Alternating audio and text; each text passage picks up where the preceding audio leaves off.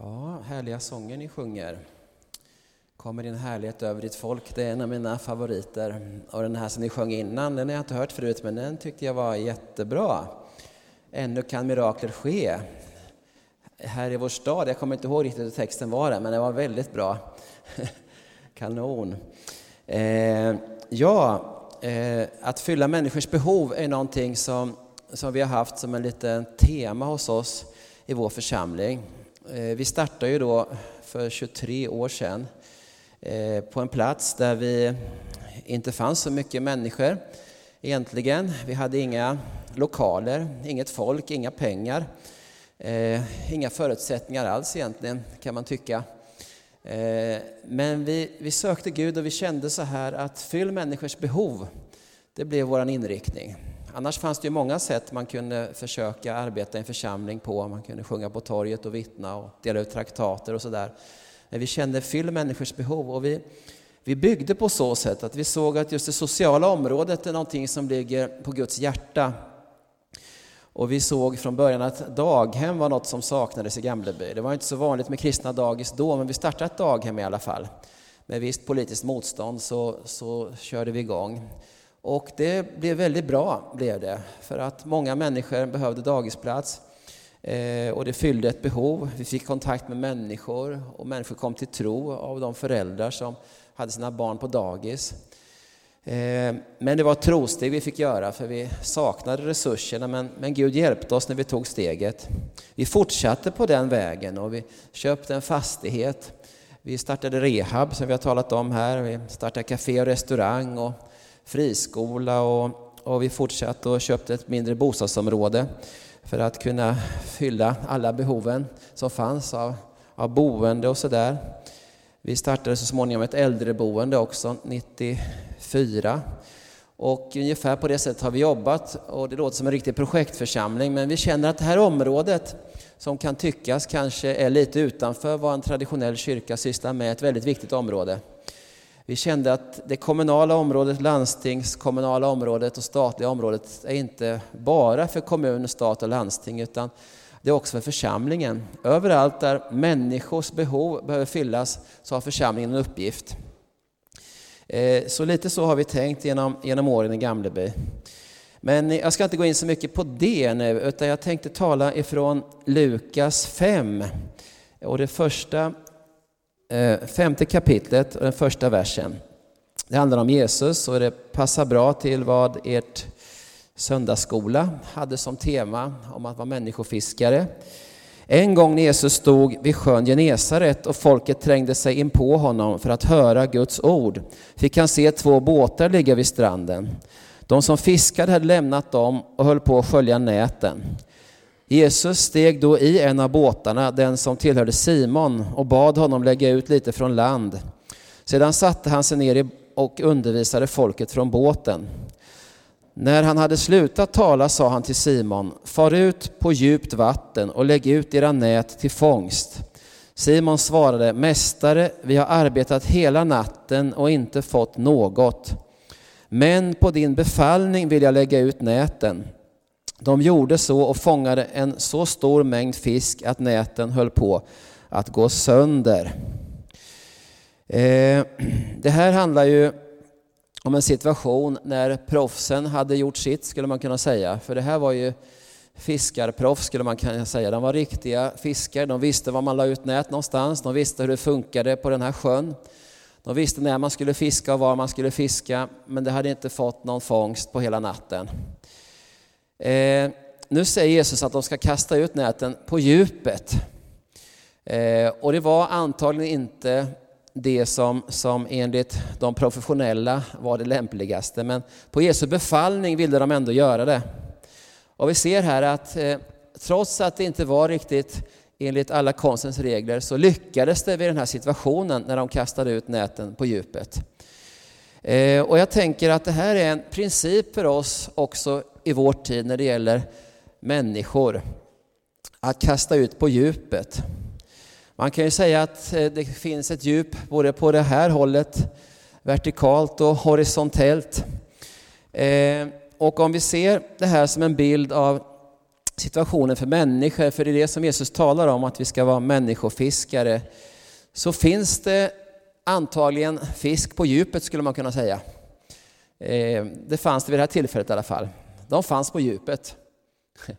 Och eh, då funderar jag lite grann om vi tänker på, på detta idag i Sverige, i Linköping och, och Gamleby. Var finns djupen någonstans?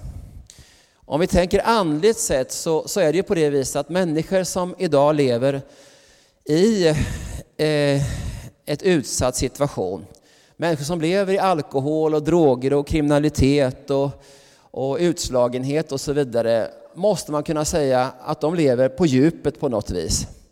De är tyngda under synden som vi hörde vittnesbörd av här. För att när man lever i synd i den, den meningen att man gör det som är fel enligt Guds perspektiv och gör det väldigt intensivt och metodiskt och systematiskt och det ena ger det andra, då sjunker man djupare och djupare ner i ett betryck helt enkelt. Och när man blir djupare och djupare nedtryckt av ångest, oro, depression, konflikter, problem på problem på problem, så, så blir det mörkare och tyngre och man sjunker ner längre och längre ner i mörkret.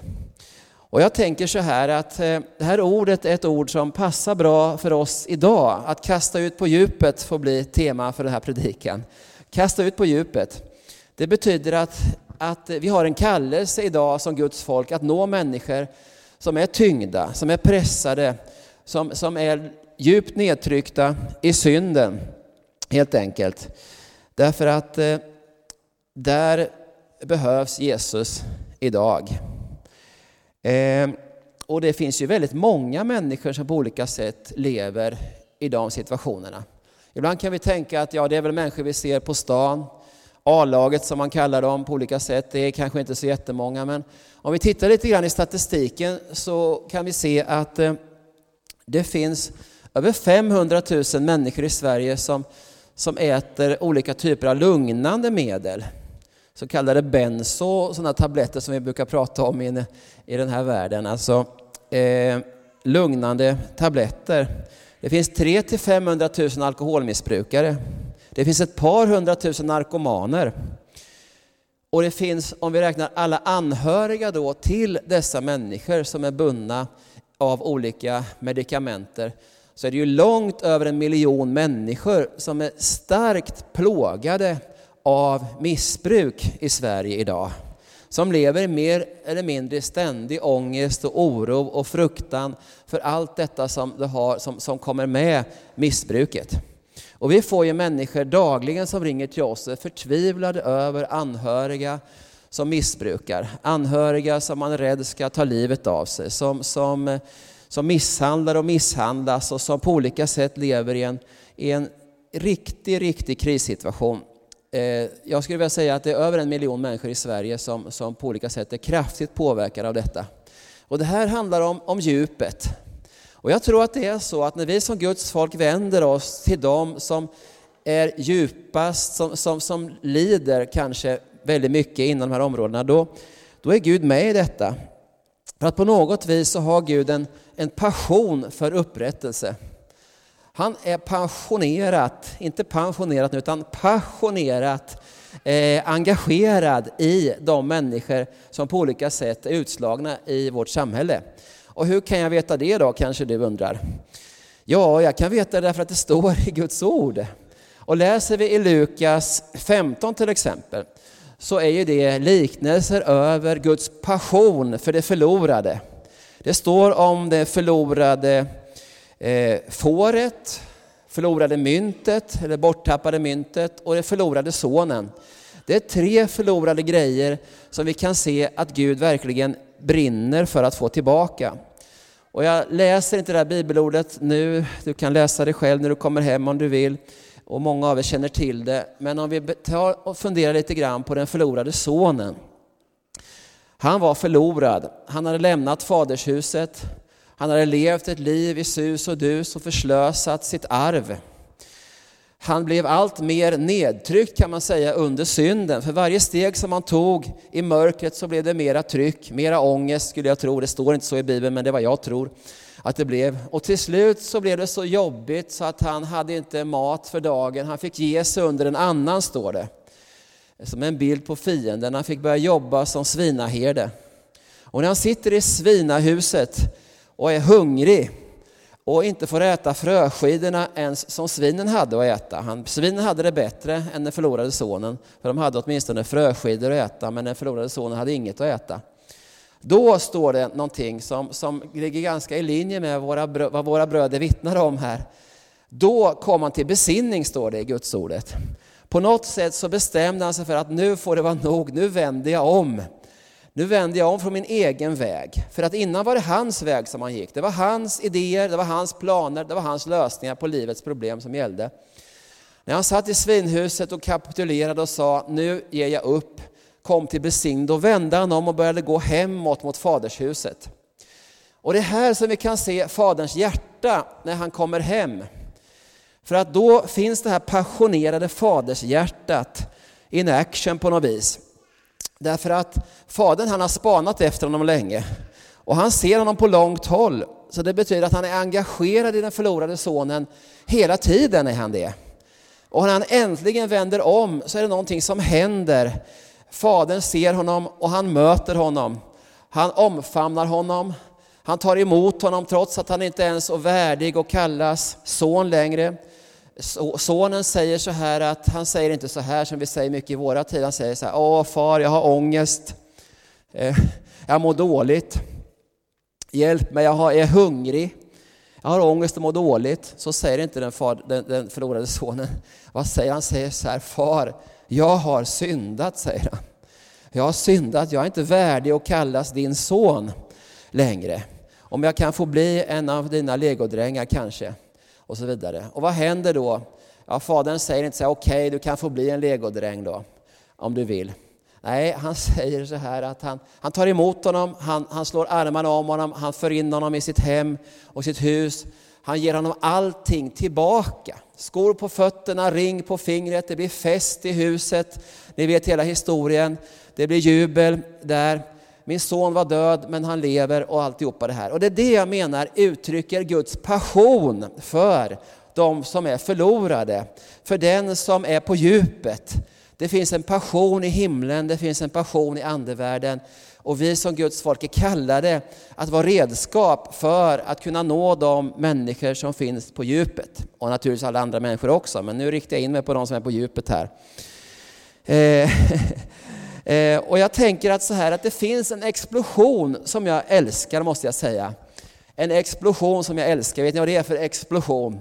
Det är en explosion som sker när synden möter nåden helt enkelt.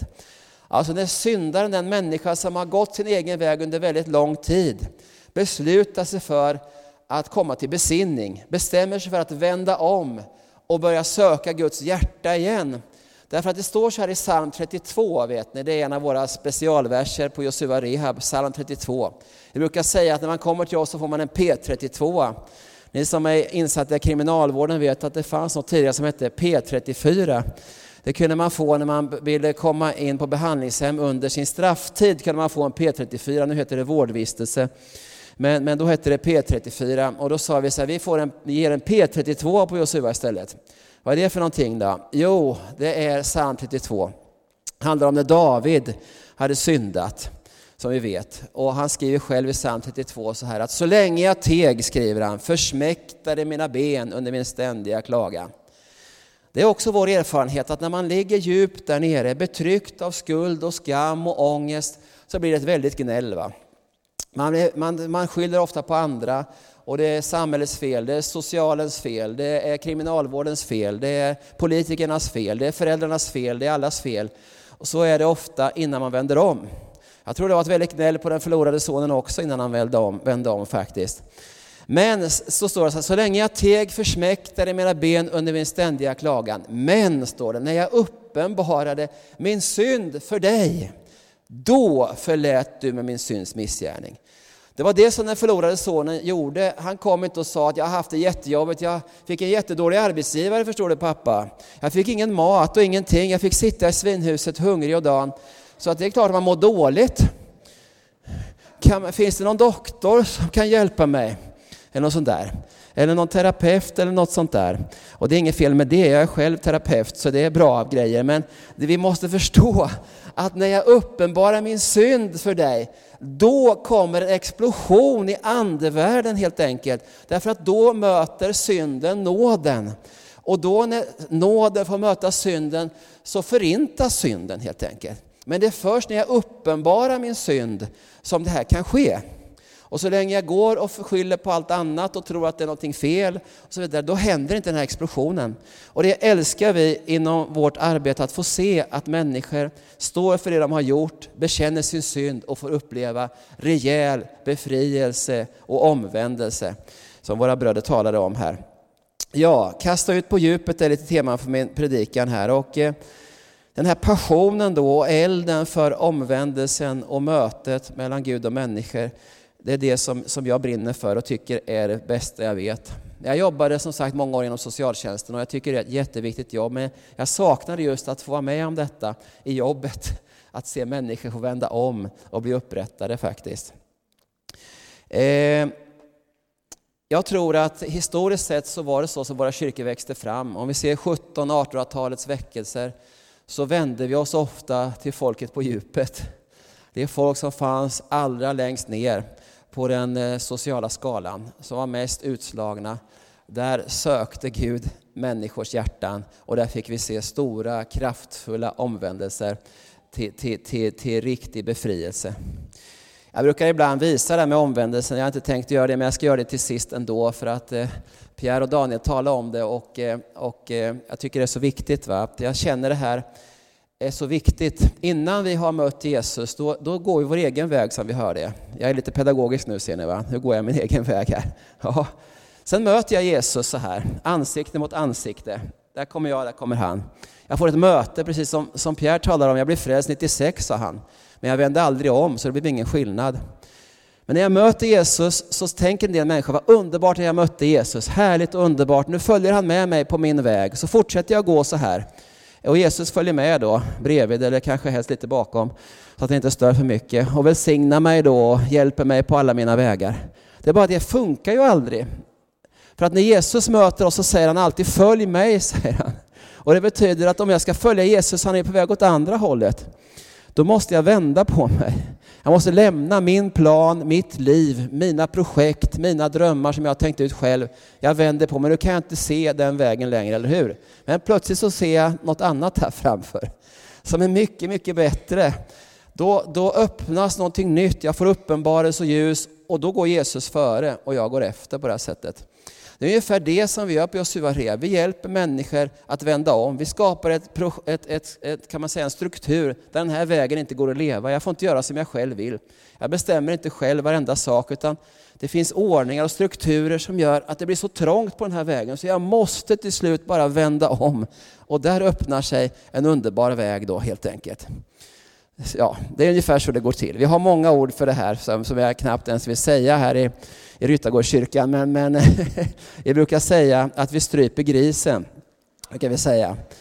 Ni vet, det står ju det att i Petrusbrevet att ett tvaget svin står det vältrar sig åter i smutsen.